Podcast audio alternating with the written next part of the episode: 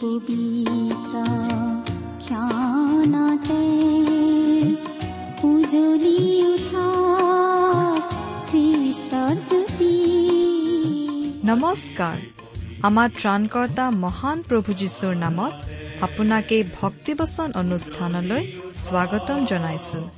এয়া মুকলি কৰিছো ঈশ্বৰৰ জীৱিত বাক্যৰ ধাৰাবাহিক অনুষ্ঠান ভক্তিবচন। মুখৰিত কৰি গাওঁ সবে মিলি প্ৰশংসা গীতি আজিৰে পবিত্ৰ ক্ষণতে উজলি উঠা খ্ৰীষ্টৰ জ্যোতি আপোনাৰ জীৱনত যদি শান্তি পাব বিচাৰে তেন্তে এয়া ঈশ্বৰৰ বাক্যৰ সান্তনা বাক্য ভক্তি বচন।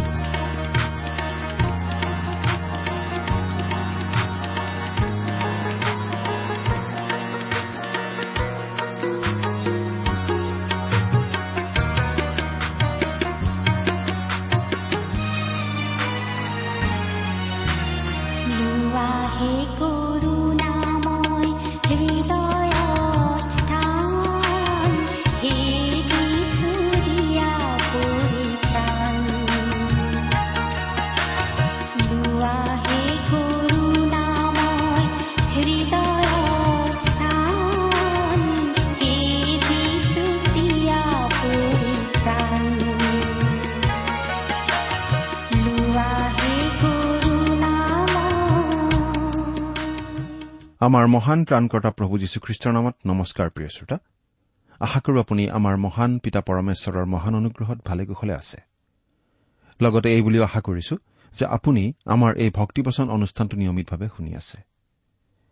আমাৰ বহুতো শ্ৰোতাই আমালৈ চিঠি লিখে আৰু এই অনুষ্ঠান শুনি উপকৃত হোৱা বুলি বহুতে আমাক জনায়। তেনেকুৱা চিঠিবোৰে আমাক কাম কৰি যাবলৈ যথেষ্ট উৎসাহ যোগায়। আপুনি বাৰু কেতিয়াবা আমালৈ চিঠি লিখিছেনে?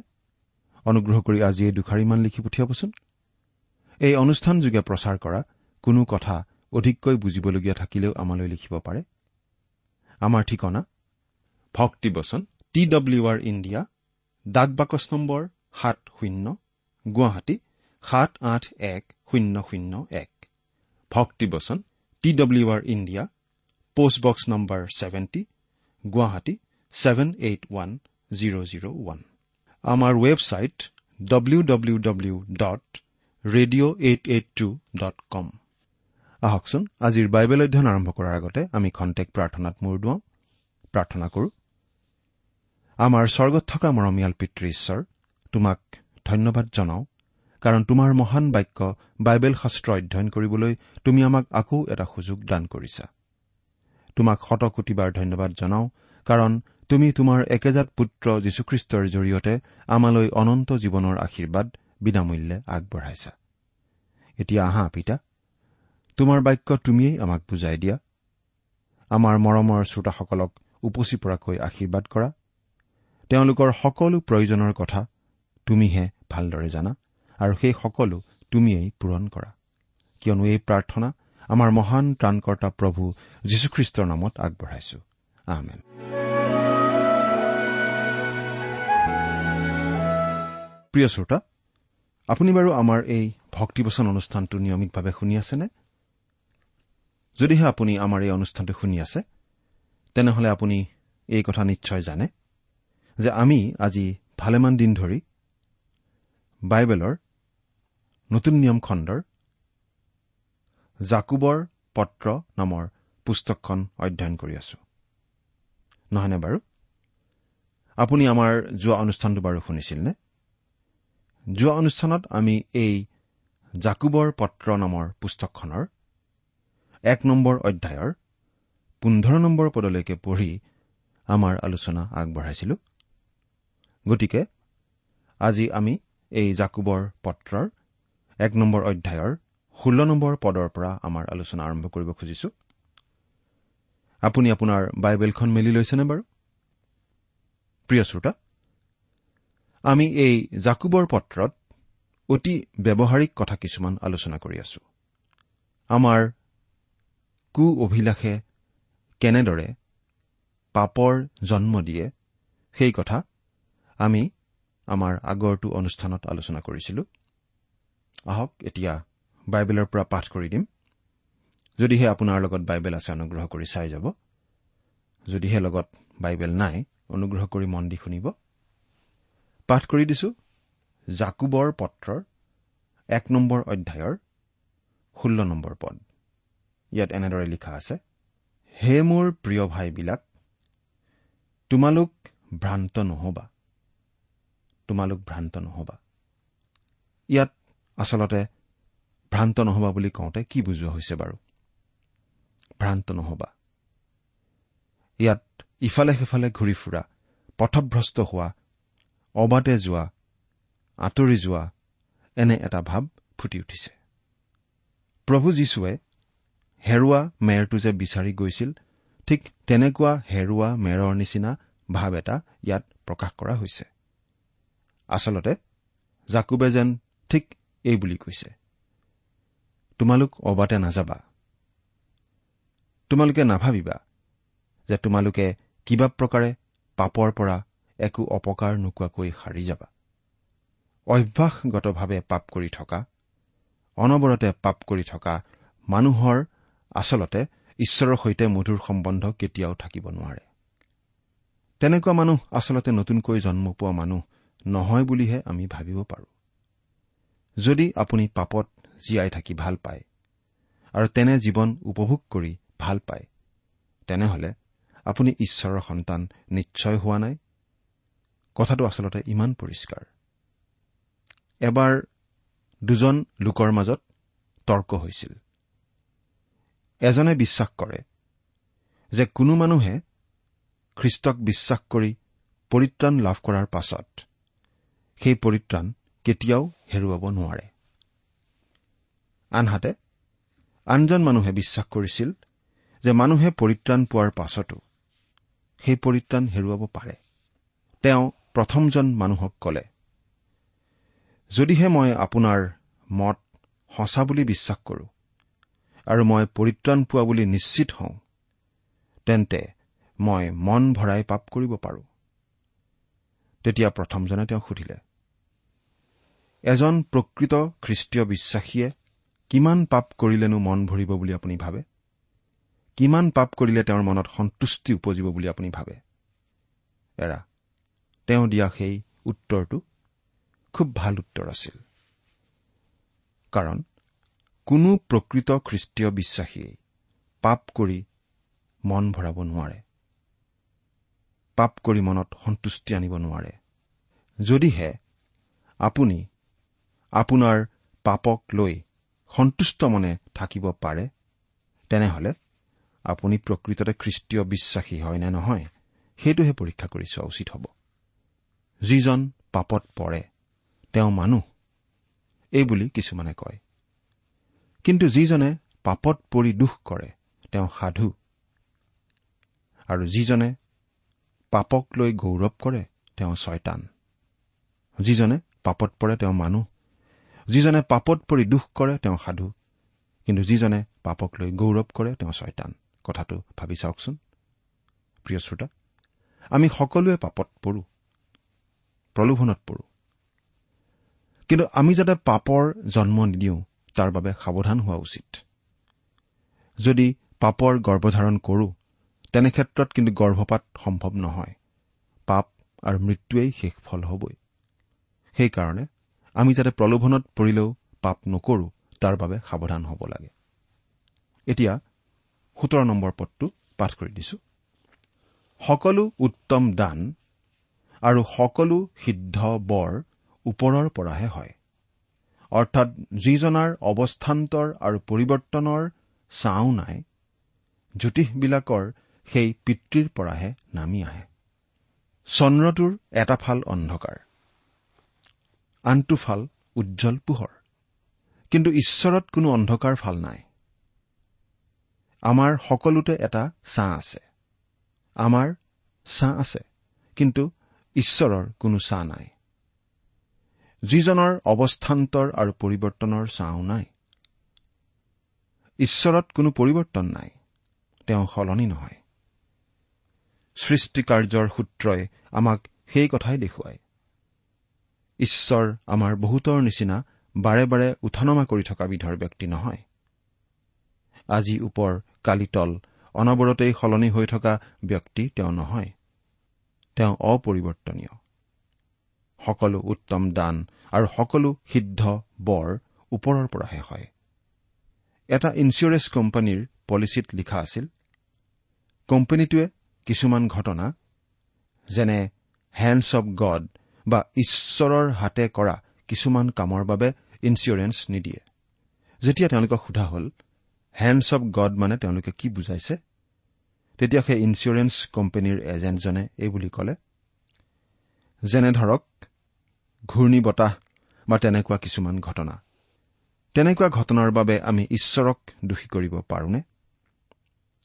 যদিও আমি নভবা নিচিন্তাকৈ হেণ্ডছ অব গড বা ঈশ্বৰৰ হাতৰ কাম বুলি কৈ থওঁ কিন্তু মানুহৰ মাজত সাধাৰণতে এনেধৰণৰ ধাৰণাই চলি থাকে যে এই সকলো দুৰ্ঘটনা দুৰ্যোগ ঈশ্বৰৰ পৰাই আহে। প্ৰিয় শ্ৰোতা আপুনি যদি কিবা ভাল উপহাৰ এটা পাইছে সেয়া ঈশ্বৰৰ পৰাই আহিছে।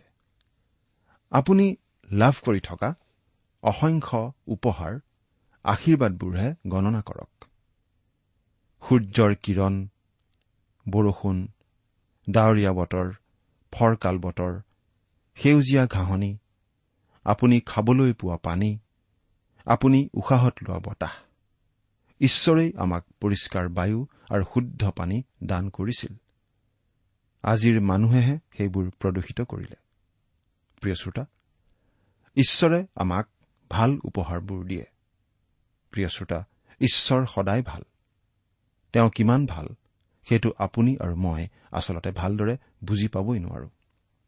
এতিয়া ওঠৰ নম্বৰ পদটো পাঠ কৰি দিম। তেওঁৰ সৃষ্ট বস্তুবোৰৰ মাজত আমি যেন এবিধ প্ৰথম ফল হওঁ।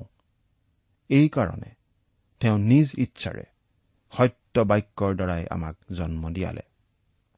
ইয়াত নিঃসন্দেহে নতুন জন্মৰ কথাটোকেই বুজোৱা হৈছে। তেওঁ আমাক কেনেকৈ জন্ম দিলে? তেওঁৰ সৃষ্ট বস্তুবোৰৰ মাজত আমি যেন এবিধ প্ৰথম ফল হওঁ এইকাৰণে তেওঁ নিজ ইচ্ছাৰে সত্য বাক্যৰ দ্বাৰাই আমাক জন্ম দিয়ালে। জন্ম দিয়া মানে উলিয়াই অনা উৎপন্ন কৰা এনেকুৱা ভাৱ এটা প্ৰকাশ পাইছে। কিছুমানে কয় মই যে হেৰাই থাকিম সেইটো ঈশ্বৰেই ঠিক কৰি থৈছে। গতিকে সেই বিষয়ে মই কৰিব লগা একো নাই। যদিহে মই পৰিত্ৰাণ পাব লগা আছে তেনেহলে নিশ্চয় কেতিয়াবা নহয় কেতিয়াবা পৰিত্ৰাণ পামেই। ইয়াত আচলতে দুটা ইচ্ছা জড়িত হৈ আছে। নিজ ইচ্ছাৰে আমাক জন্ম দিয়ালে। গৰ্ভধাৰণৰ বাবে দুই ব্যক্তিৰ মিলনৰ প্ৰয়োজন। আন বেলেগ একো পদ্ধতি নাই। গতিকে ঈশ্বৰৰ ইচ্ছা আপোনাৰ ইচ্ছাৰ সৈতে মিলিত হয় আৰু তেতিয়া আপুনি নতুন জন্ম পায়। গতিকে আপোনাৰ একো দায়িত্ব নাই বুলি নকব। কোনো মানুহেই ধ্বংস পোৱাটো ঈশ্বৰে আচলতে নিবিচাৰে। আপুনি ঈশ্বৰৰ বাক্যৰ দ্বাৰাই নতুন জন্ম পায়। যেতিয়া আপুনি আহিবলৈ আগ্ৰহী যেতিয়া আপুনি ঈশ্বৰৰ বাক্য বিশ্বাস কৰে আৰু যীশুখ্ৰীষ্টক আপোনাৰ পৰিত্ৰতা বুলি গ্ৰহণ কৰে তেতিয়া আপুনি নতুন জন্ম পায়। প্ৰথম পিতৰ এক নম্বৰ অধ্যায়ৰ তেইছ নম্বৰ পদত এনেদৰে লিখা আছে। পাঠ কৰি দিম। কিয়নো তোমালোকে ক্ষয়নীয় বীজৰ পৰা নহয় অক্ষয় বীজৰ পৰা অৰ্থাৎ ঈশ্বৰৰ জীৱনময় আৰু চিৰস্থায়ী বাক্যৰ দ্বাৰাই পুনৰ জন্ম পোৱা হৈছা। এতিয়া আমি জাকুব প্ৰথম অধ্যায়ৰ ঊনৈশ নম্বৰ পদটো পঢ়ি দিম। হে মোৰ প্ৰিয় ভাইবিলাক তোমালোকে জানি আছা কিন্তু প্ৰত্যেক মানুহ শুনিবলৈ খৰ কবলৈ ধীৰ আৰু ক্ৰোধলৈও ধীৰ হওক। হে মোৰ প্ৰিয় ভাইবিলাক জাকুবে ঈশ্বৰৰ সন্তানসকললৈ কথাবোৰ লিখি আছে। শুনিবলৈ খৰ কি শুনিবলৈ খৰ? ঈশ্বৰৰ বাক্য শুনিবলৈ উপদেশ বাক্য শুনিবলৈ। আপুনি ঈশ্বৰৰ বাক্যৰ দ্বাৰা নতুন জন্ম পোৱাৰ পাছত আপুনি ঈশ্বৰৰ বাক্যৰ কথা পাহৰি যাব নালাগে। আপুনি বৃদ্ধি পাব ঈশ্বৰৰ বাক্যৰ যোগেদিহে। আপোনাৰ এনে এটা বস্তু আছে যিটো জীৱন্ত শক্তিশালী আৰু যিকোনো দুধৰীয়া তৰোৱালতকৈও চোকা। ঈশ্বৰৰ বাক্যৰ বিষয়ে ইব্ৰী চাৰি নম্বৰ অধ্যায়ৰ বাৰ নম্বৰ পদত এই বুলিয়েই কোৱা হৈছে। এতিয়া পাঠ কৰি দিছো প্ৰথম কৰিন্ঠিয়া দুই নম্বৰ অধ্যায়ৰ চৈধ্য নম্বৰ পদটো। ইয়াত কি লিখা আছে? চাওকচোন। কিন্তু স্বাভাৱিক মানুহে ঈশ্বৰৰ আত্মাৰ কথা গ্ৰাহ্য নকৰে। কিয়নো তেওঁৰ মানত সেয়ে মূৰ্খতা। আৰু তেওঁ সেই কথাৰ তত্বও পাব নোৱাৰে। কিয়নো আম্মিক ৰূপেহে তাৰ বিচাৰ কৰা হয়। কিন্তু ঈশ্বৰৰ সন্তান হিচাপে আপোনাত পবিত্ৰ আত্মা ঈশ্বৰ নিবাস কৰে। আৰু তেওঁ আপোনাক ঈশ্বৰৰ বাক্য শিকাব বিচাৰে। প্ৰিয় শ্ৰোতা এই বিশ্বজগতৰ স্ৰষ্টা আৰু হেৰাই থকা পাপী মানৱৰ পৰিত্ৰাতা প্ৰভু যীশুৱে আপোনাক কথা ক'ব বিচাৰে। জাকুবে কৈছে শুনিবলৈ খৰ হওক সাজু হৈ থাকক। এজন বিখ্যাত বাইবেল শিক্ষকে কৈছিল যেতিয়া মই কোনো মণ্ডলীৰ উপাসনাত কথা কবলৈ থিয় হওঁ কেতিয়াবা মোৰ তেওঁলোকক চিঞৰি কবলৈ মন যায়। উঠা সাৰ পোৱা। নাইবা জুই লাগিছে জুই লাগিছে। কাৰণ মই প্ৰতিজন লোক সজাগ আৰু সচেতন হৈ থকাটো বিচাৰো। আমি ঈশ্বৰৰ বাক্য শুনিবলৈ সদায় সজাগ আৰু সচেতন হৈ থকা উচিত। কবলৈ ধীৰ। ঈশ্বৰে আমাক দুখন কাণ দিছে কিন্তু এখনহে মুখ দিছে। তাৰ নিশ্চয় কাৰণ আছে। আমি খুব বেছিকৈ কথা কোৱাটো বিপদজনক। কিছুমানে ক'ব খোজে যে কোনো এজন ব্যক্তিয়ে পৰিত্ৰাণ লাভ কৰাৰ লগে লগেই খ্ৰীষ্টৰ হকে সাক্ষ্য দিবলৈ আৰম্ভ কৰা উচিত। কিন্তু নতুনকৈ জন্ম পোৱা লোক এজনে লগে লগে খ্ৰীষ্টৰ বিষয়ে সাক্ষ্য দিব পাৰে বুলি আমি হলে নাভাবো। যদি তেওঁ যোৱা ৰাতি খ্ৰীষ্টক গ্ৰহণ কৰিলে আমি আজি তেওঁৰ সাক্ষ্য শুনিব বিচাৰো। যদিহে তেওঁ কোনো বিখ্যাত মানুহ হয় কোনো ধনী মানুহ হয় বা যদিহে কোনো কুখ্যাত ডকাইতৰ দলৰ তেওঁ নেতা আছিল। যদি বোলছবি বা আন আমোদ বিষয়ক কামত নাম জ্বলা লোক হয় নাইবা যদি কোনো পাকৈত নেতা হয়।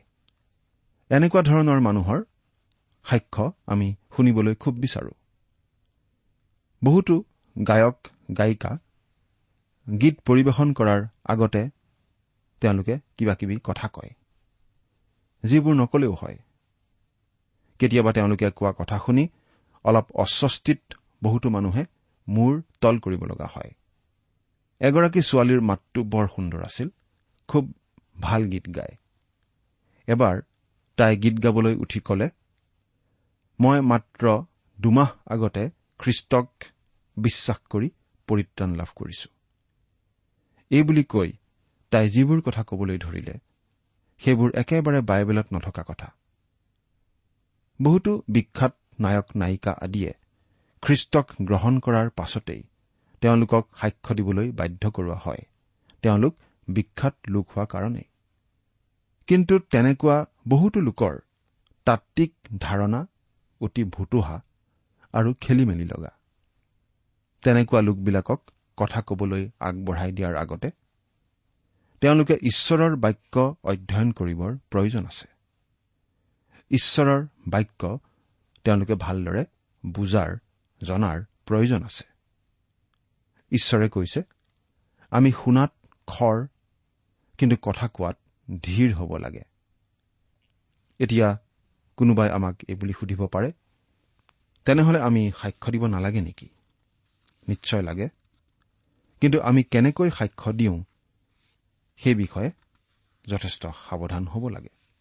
আৰু প্ৰথমতে নিজৰ জীৱন সম্বন্ধে আমি নিশ্চিত হ'ব লাগে।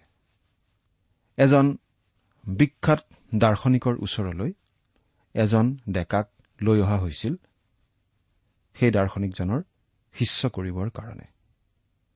সেই ডেকাজনক দাৰ্শনিকজনৰ সৈতে চিনাকি কৰি দিয়া হ'ল।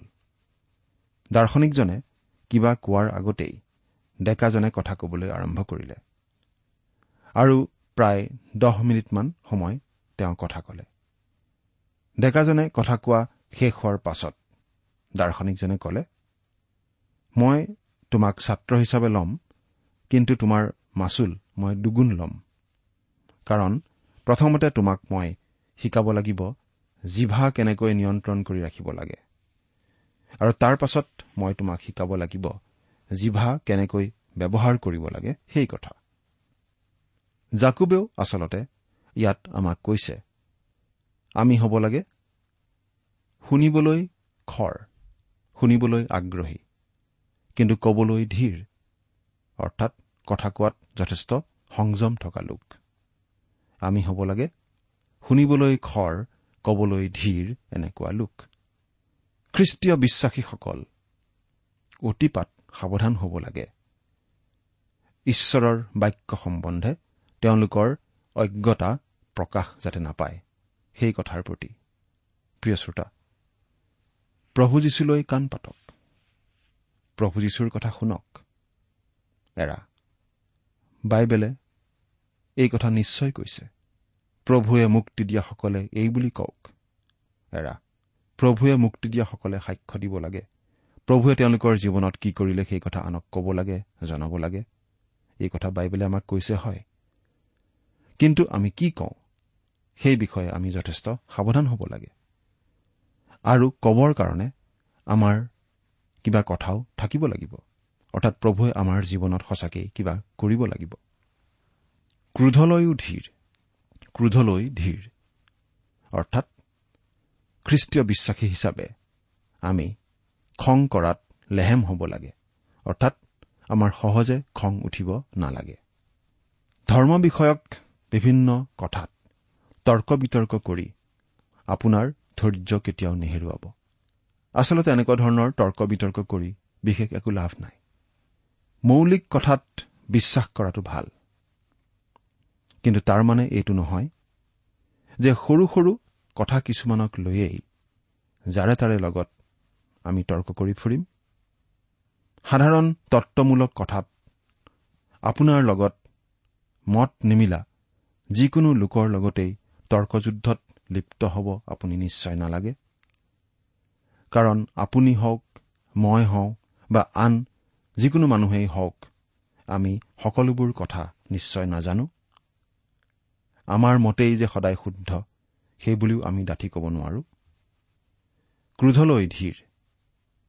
এৰা খঙত উতলা নহ'ব। এজন বিখ্যাত লোকৰ এগৰাকী ছোৱালী আছিল। আৰু ছোৱালীজনীৰ অতিপাত খং আছিল। এদিনাখন সেই ছোৱালীজনীৰ প্ৰেমত পৰা ডেকা এজন সেই বিখ্যাত মানুহজনৰ ওচৰলৈ আহি ছোৱালীজনীক বিয়া কৰাবলৈ অনুমতি বিচাৰিলে। এসময়ত নিয়মবোৰ তেনেকুৱাই আছিল। আজিকালিহে সকলো সলনি হ'ব ধৰিছে। তেতিয়া সেই বিখ্যাত মানুহজনে সেই ডেকাজনক কলে তুমি তাইক পাব নোৱাৰা। ডেকাজনে কলে কিন্তু মই তাইক ভাল পাওঁ। তেতিয়া বিখ্যাত মানুহজনে কলে কিন্তু তুমি তাইক পাব নোৱাৰা। তেতিয়া ডেকাজনে কলে কিন্তু মই তাইক ভাল পাওঁ আৰু তাই মোক ভাল পায়। তেতিয়া সেই বিখ্যাত মানুহজনে আকৌ কলে তুমি তাইক পাব নোৱাৰা। ডেকাজনে তেতিয়া অলপ আপত্তিৰ সুৰেৰে কলে মই কিয় তাইক পাব নোৱাৰো? তেতিয়া মানুহজনে গহীনাই উত্তৰ দিলে কাৰণ তাই তোমাৰ উপযুক্ত নহয়। মানুহজনে এই বুলিও কলে তাই খ্ৰীষ্টীয় বিশ্বাসী ঠিকেই কিন্তু ঈশ্বৰৰ অনুগ্ৰহ এনেকুৱা কিছুমান ব্যক্তিৰ লগতো থাকিব পাৰে যিসকলৰ লগত আন কোনো মানুহেই থাকিব নোৱাৰে। অৰ্থাৎ তাই তেনেকুৱা ধৰণৰ ব্যক্তি। এৰা প্ৰিয় শ্ৰোতা এনেকুৱা বহুতো অযোগ্য খ্ৰীষ্টীয় বিশ্বাসী আছে যিসকলৰ খং একেবাৰে নিয়ন্ত্ৰণ কৰিব নোৱাৰি আৰু সেই খঙেই তেওঁলোকৰ সাক্ষত হানি কৰি আহিছে। জীৱনৰ আন যিকোনো বিষয়ে যিমান ক্ষতি কৰিব পাৰে সিমানেই ক্ষতি কৰিছে তেওঁলোকৰ খঙে। আপোনাৰ জীৱনতো বাৰু এনেকুৱা খং আছে নেকি? চিন্তা কৰি চাওকচোন। ঈশ্বৰে আপোনাক আশীৰ্বাদ কৰক।